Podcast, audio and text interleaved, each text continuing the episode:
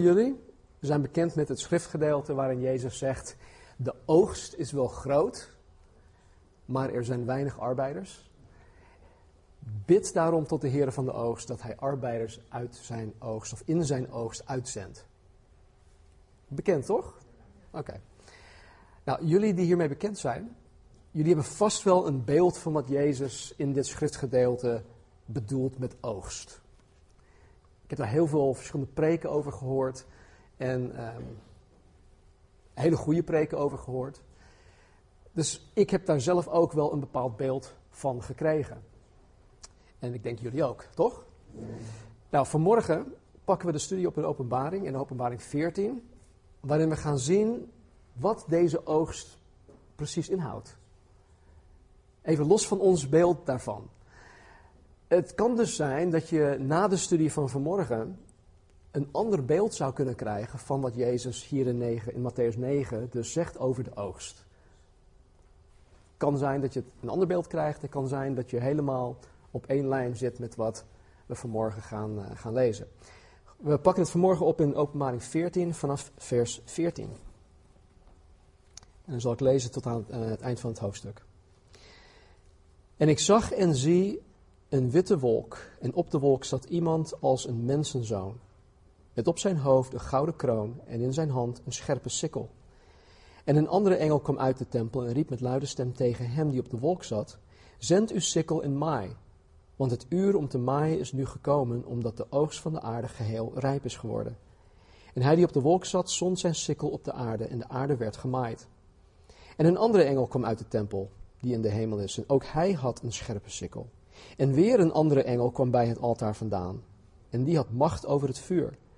En hij riep met luide stem tegen hem die de scherpe sikkel had, en zei: Zend uw scherpe sikkel en oogst de trossen van de wijnstok van de aarde, want de druiven ervan zijn rijp. En de engel zond zijn sikkel op de aarde en oogste de druiven van de wijnstok van de aarde, en wierp die in de grote wijnpersbak van de toorn van God. En de wijnpersbak werd getreden buiten de stad, en er kwam bloed uit de wijnpersbak tot aan de tomen van de paarden, 1600 stadien ver. Tot zover. Ik zei afgelopen zondag uh, dat hoofdstuk uh, eh, 14 een parenthetisch hoofdstuk is. Ik had het vorige week zondag helemaal uitgebreid verteld. Dit betekent dat de gebeurtenissen die in die parenthetische hoofdstukken plaatsvinden, of vermeld worden, of ergens aan het begin van de verdrukkingsperiode plaatsvinden, of ergens in het midden, of ergens helemaal aan het eind van de verdrukkingsperiode. Dus die parenthetische hoofdstukken die kunnen ergens, ergens in de, de, de zevenjarige verdrukking plaatsvinden. Wat wij afgelopen zondag hebben behandeld, vond of vindt straks plaats aan het einde van de grote verdrukking, bij de wederkomst van Jezus. En dit geldt dus ook voor wat wij vanmorgen met elkaar gaan behandelen in hoofdstuk 14 en 15. Johannes krijgt in de rest van hoofdstuk 14, en wat we net gelezen hebben, dus te zien wat, wat er aan het eind van de grote verdrukking zal gaan gebeuren met de mensen die Jezus Christus verworpen hebben. En die Jezus Christus gewoon blijven verwerpen. Die daar de, bewust een keuze in hebben gemaakt. Vers 14. Johannes zegt, en ik zag en zie een witte wolk. En op de wolk zat iemand als een mensenzoon. Met op zijn hoofd een gouden kroon en in zijn hand een scherpe sikkel. Johannes ziet iemand, hoofdletter I, als een mensenzoon met een hoofdletter M. Nou, mensenzoon is gelijk aan de term zoon des mensen. Het is dus niet anders, het is niet weer iets anders. In Daniel 7 schrijft de profeet Daniel over Jezus Christus. En Daniel noemt Jezus Christus de zoon des mensen. In alle vier evangeliën noemt Jezus zichzelf het meest, het, wat, het, het vaakst voorkomt over zichzelf, noemt hij zichzelf de zoon des mensen. Zelfs vaker dan dat hij zegt de zoon van God. Hij noemt zichzelf dus in alle vier telkens, uh, alle vier evangeliën telkens de zoon des mensen. Johannes ziet hier in vers 14 dus, dus niemand anders dan Jezus Christus zelf. Hij is de mensenzoon. En dat Jezus een, of dat, ja, dat Jezus een gouden kroon op zijn hoofd heeft, geeft aan dat hij gekomen is op aarde om te gaan regeren. We hebben het vanmorgen gezongen. Hij regeert, u regeert. Hij regeert nu al over onze individuele levens, maar bij zijn wederkomst zal hij over heel de aarde regeren. Alle mensen zullen hem eren. Er zal geen enkel persoon zijn die je tegen zal komen waarvan hij zegt van, oh joh, jij gelooft toch niet in Jezus Christus? Dat geloof is toch achterhaald? Nee, dat zal niet meer bestaan. Er zullen ook geen atheïsten meer bestaan. Helemaal niks. Jezus Christus zal regeren en hij zal zegeveren. Dat Jezus in zijn hand op dit moment ook een scherpe sikkel heeft, geeft aan dat hij gekomen is om op aarde Gods oordeel uit te voeren. En dat zullen we zo meteen ook zien. Vers 15. En een andere engel kwam uit de tempel en riep met luide stem tegen hem die op de wolk zat, dus tegen Jezus: Zend uw sikkel en maai, want het uur om te maaien is voor u gekomen, omdat de oogst van de aarde geheel rijp is geworden. Dit is nu in dit hoofdstuk de vierde engel. En de eerste drie, die wij vorige week zagen in, vers 6, 8 en 9, zij kondigden het, het oordeel aan. En deze vierde engel geeft het bevel om het oordeel nu gewoon uit te voeren. Deze engel komt vanuit de hemelse tempel. De hemelse tempel, wat moet je je daarbij voorstellen? Dat is uh, voor de troon van God. Uh, jullie die de studie Exodus mee hebben, mee hebben of uh, gevolgd hebben, weten dat de tabernakel, de tempel, dat dat een, een weerspiegeling is van hoe de hemel eruit ziet. Dus de, de, de, het heilige der heiligen, waar God troonde op, in, in, in het heiligdom, dat is ook precies hetzelfde in de hemel waar hij nu dus ook zit. Dus wanneer er, wanneer er, er, gesproken wordt over de tempel in de hemel, dan, dan wordt er gesproken over het heilige der heiligen waar God zit. Dus deze engel komt vanuit de hemelse tempel, of van voor de troon van God. En, en met de autoriteit dat door God aan hem gegeven is, riep hij met een luide stem dat de tijd aangebroken is om de wereld te veroordelen. En de boodschap, als het ware, van God de Vader aan Jezus, de mensenzoon, was dit. Het is nu tijd om met de sikkel te gaan zwaaien. Het is nu tijd om de sikkel in, de, in, in, in, in het koren te slaan. Nou, mocht je niet weten wat een sikkel is, dan heb ik deze slide voor je. Dat is een sikkel.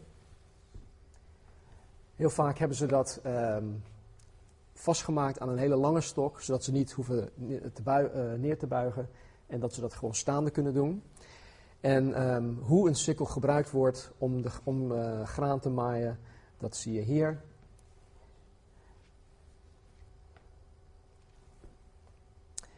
En het door God bepaald moment om de ongelovige, om de weerbarstige, om de corrupte wereld te oordelen is aangebroken. Omdat hier staat de oogst van de aarde, de oogst van de aarde, dat is een technische term, de oogst van de aarde, geheel rijp is geworden. Nou, het werkwoord in de oorspronkelijke tekst voor geheel rijp geworden geeft aan dat het zelfs overrijp is. Overrijp. De oogst is eigenlijk reeds verdord, het is verdroogd, het is verschrompeld.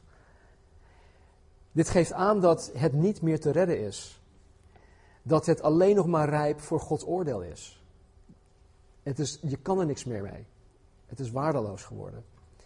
En hij, vers 16, die op de wolk zat, zond zijn sikkel op de aarde en de aarde werd gemaaid. Jullie die erbij waren, dat is al heel lang geleden, toen wij in Matthäus hoofdstuk 13 zaten, gaf Jezus, um, of hadden wij gekeken naar uh, de gelijkenis van het onkruid tussen de tarwe. En in deze gelijkenis, misschien kom ik er straks op terug, dat weet ik niet. Um, ik kom er zeker later nog op terug, op, in een andere studie. Uh, maar, maar, deze gelijkenis um, spreekt dus over onkruid dat tussen de tarwe werd gezaaid. En dat ze samen opgroeiden. En de maaiers die wilden eigenlijk ja, uh, het onkruid al, al heel, in een heel vroeg stadium wilden dat er tussenuit halen, heel voorzichtig. Maar uh, de, degene die daarover ging, die zei van nee, dat moet je niet doen. Want in een heel vroeg stadium lijkt uh, de darnelzaad, dus de, het onkruid, dat lijkt heel veel op, op tarwe. Dus uh, je loopt het risico dan om ook tarwe eruit te rukken. En wat zegt, wat zegt de, de, degene die, die erover gaat? Hij zegt, wacht tot de oogst, want dan zullen we zien, dan pas zullen we het kunnen onderscheiden. Dus het echte van het valse. En er staat in, uh, in Matthäus 13, vers 39 tot 42 dit. De oogst is de voleinding van de wereld. De maaiers zijn engelen. Zoals dan het onkruid verzameld wordt en met vuur verbrand wordt, zo zal het ook zijn bij de voleinding van deze wereld. De zoon des mensen zal zijn engelen uitzenden en ze zullen uit zijn koninkrijk verzamelen alle struikelblokken, hen die wetteloosheid doen, en ze zullen hen in de vurige oven, werpen. Daar zal gejammer zijn en tandengeknars. Dus hij heeft het over een oogst. En de oogst waar hij het over heeft, is het oordeel. Van wie? Van degene die struikelblokken vormen, van degenen die wetteloosheid doen. En dan zegt hij dat deze dan in, een, in, in de vurige oven geworpen worden, waar gejammer en tandengeknars zal zijn. Vers 16, wat we net gelezen hebben in de openbaring, zegt dat Jezus zijn sikkel op de aarde zond en de aarde werd gemaaid. Hier in Matthäus 13, wat ik net voorlas, staat dat de zoon des mensen zijn engelen zal uitzenden om het maaiwerk te doen. De oogst waar Jezus het over heeft in Matthäus 13 is dus eigenlijk dezelfde oogst waar, Jezus, waar Johannes het over heeft in Openbaring 14.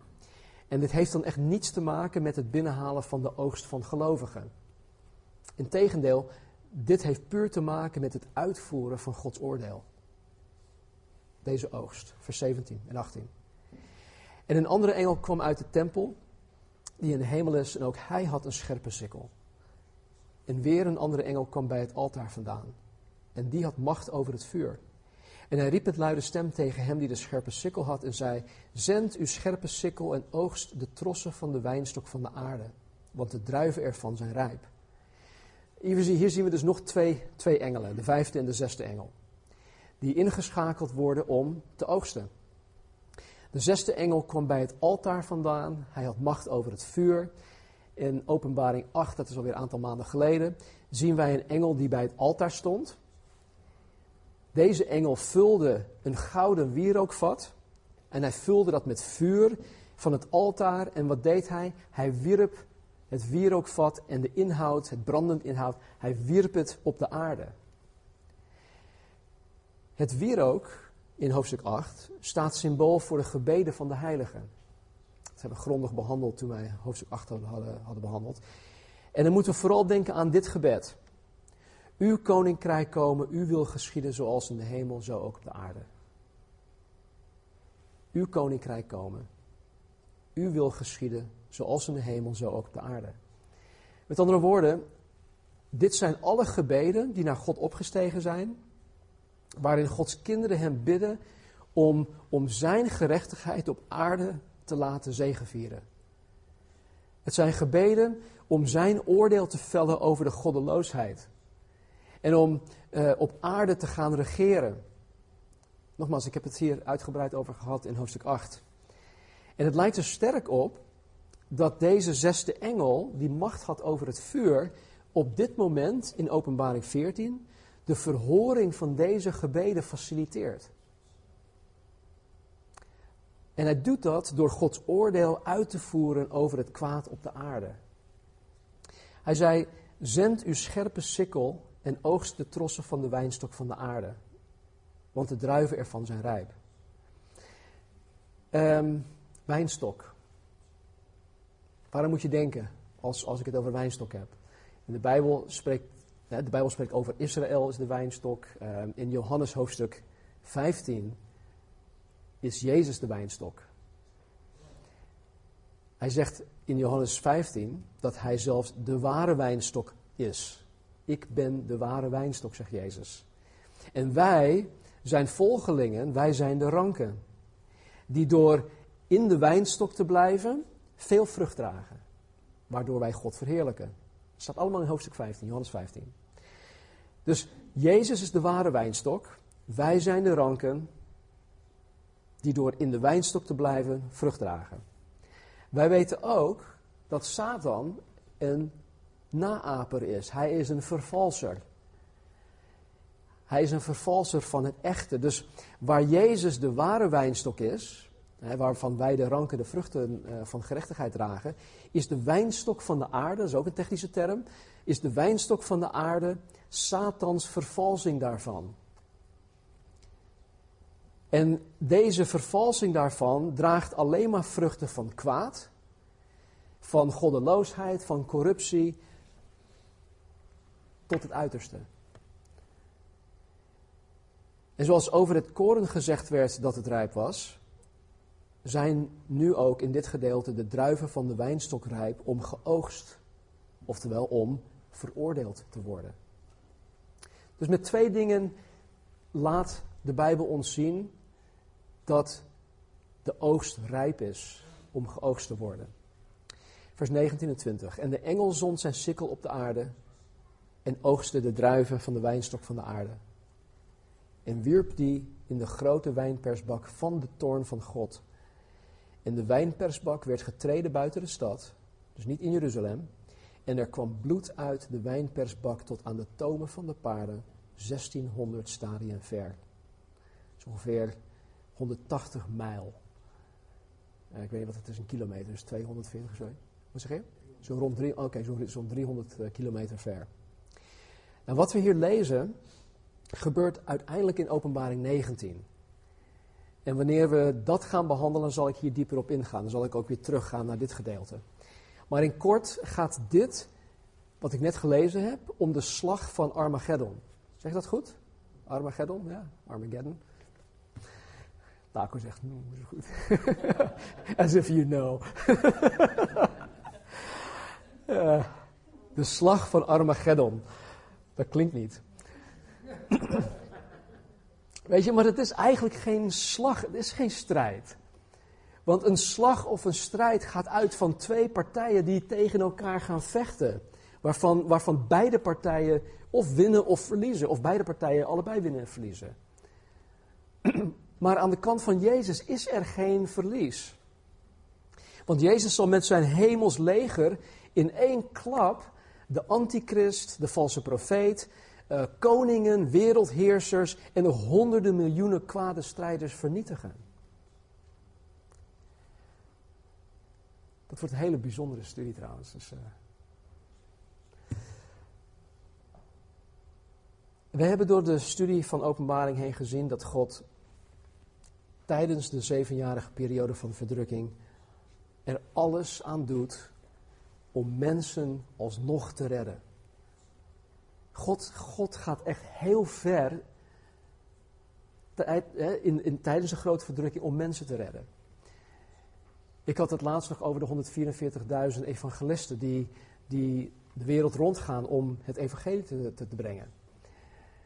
En dan moet je je voorstellen dat, dat er, uh, er wordt nu geschat, ingeschat, dat er momenteel zo rond 50.000 zendelingen zijn op aarde, actief bezig zijn op aarde. Dat is niet veel, 50.000. Straks zijn er 144.000 Paulus de Apostelen. Dat soort types die het evangelie gaan verkondigen. En uh, er, was, uh, er was een man, die, uh, een Joodse man, die tot geloof is gekomen in Yeshua, Jezus. Die zei, deze 144.000 Joden zullen waarschijnlijk veel meer bereiken in, het evangelie, in de evangelieverkondiging in zeven jaar tijd dan de hele kerk heeft gedaan in 2000 jaar tijd. Kan, ik weet niet zeker of dat, of dat, of dat zo is, maar ik kan me voorstellen dat ze wel met dat soort intensiteit en ja, de Joden noemen het goed spa, dat ze daarmee uh, ja, de wereld gaan veroveren. Althans, degene die daarvoor kiezen. Gods genade is duidelijk en overvloedig aanwezig tijdens deze verdrukkingsperiode. En vandaar dat er ook ontelbare of een ontelbare menigte tot geloof in Jezus Christus zal komen. Die hebben we ook gezien in de andere hoofdstukken. Zelfs tijdens het openen van de zeven zegels en tijdens het oordeel van de zeven bezuinen is Gods genade nog steeds aan het werk om mensen te redden. God blijft proberen. Maar nu, nu het laatste oordeel plaatsvindt, is de tijd waarin God zijn genade aan de mens geeft voorbij. Het is over. En wanneer het zo ver is, is er geen enkele kans meer voor de mens om zich tot God te wenden. Gods oordeel staat op dit moment vast. Als, als iemand het beeld van het beest aanbidt, het merkteken heeft, heeft aangenomen, dan is het einde verhaal voor die persoon. Zijn of haar lot is, is verzegeld. En daar hebben ze zelf voor gekozen. Niemand heeft hun daartoe gedwongen. Het enige is, als je daar niet voor kiest en voor Jezus Christus kiest, dan betaal je daar wel mee eh, met, met, met je eigen leven. Maar dat is dan de keus die, waarvoor je gesteld wordt. Of die mensen dan. Alhoewel de, de meeste mensen op aarde momenteel, hè, dus nu zoiets hebben van, joh, dit is toch in de verre toekomst, dit zal ik nooit mee gaan maken, geldt het principe van genade en oordeel nu ook nog. Dat verandert niet. Zolang iemand adem in zijn of haar longen heeft, is Gods genade er om die persoon voor eeuwig te redden van de eeuwige straf. Wat Jezus de hel noemt. Dat is nu. Maar op het moment dat iemand sterft, dan is het te laat. Als iemand sterft zonder dat hij of zij zich heeft bekeerd tot God, in dit leven, dus nog voor de verdrukking, zonder dat hij of zij het evangelie heeft aanvaard, dan is er geen genade meer voor die persoon. Hij of zij hebben hun lot verzegeld door niet voor Jezus Christus te kiezen. en daarom zegt God in 2 Korinthe 6:2, wanneer de tijd daarvoor gekomen is,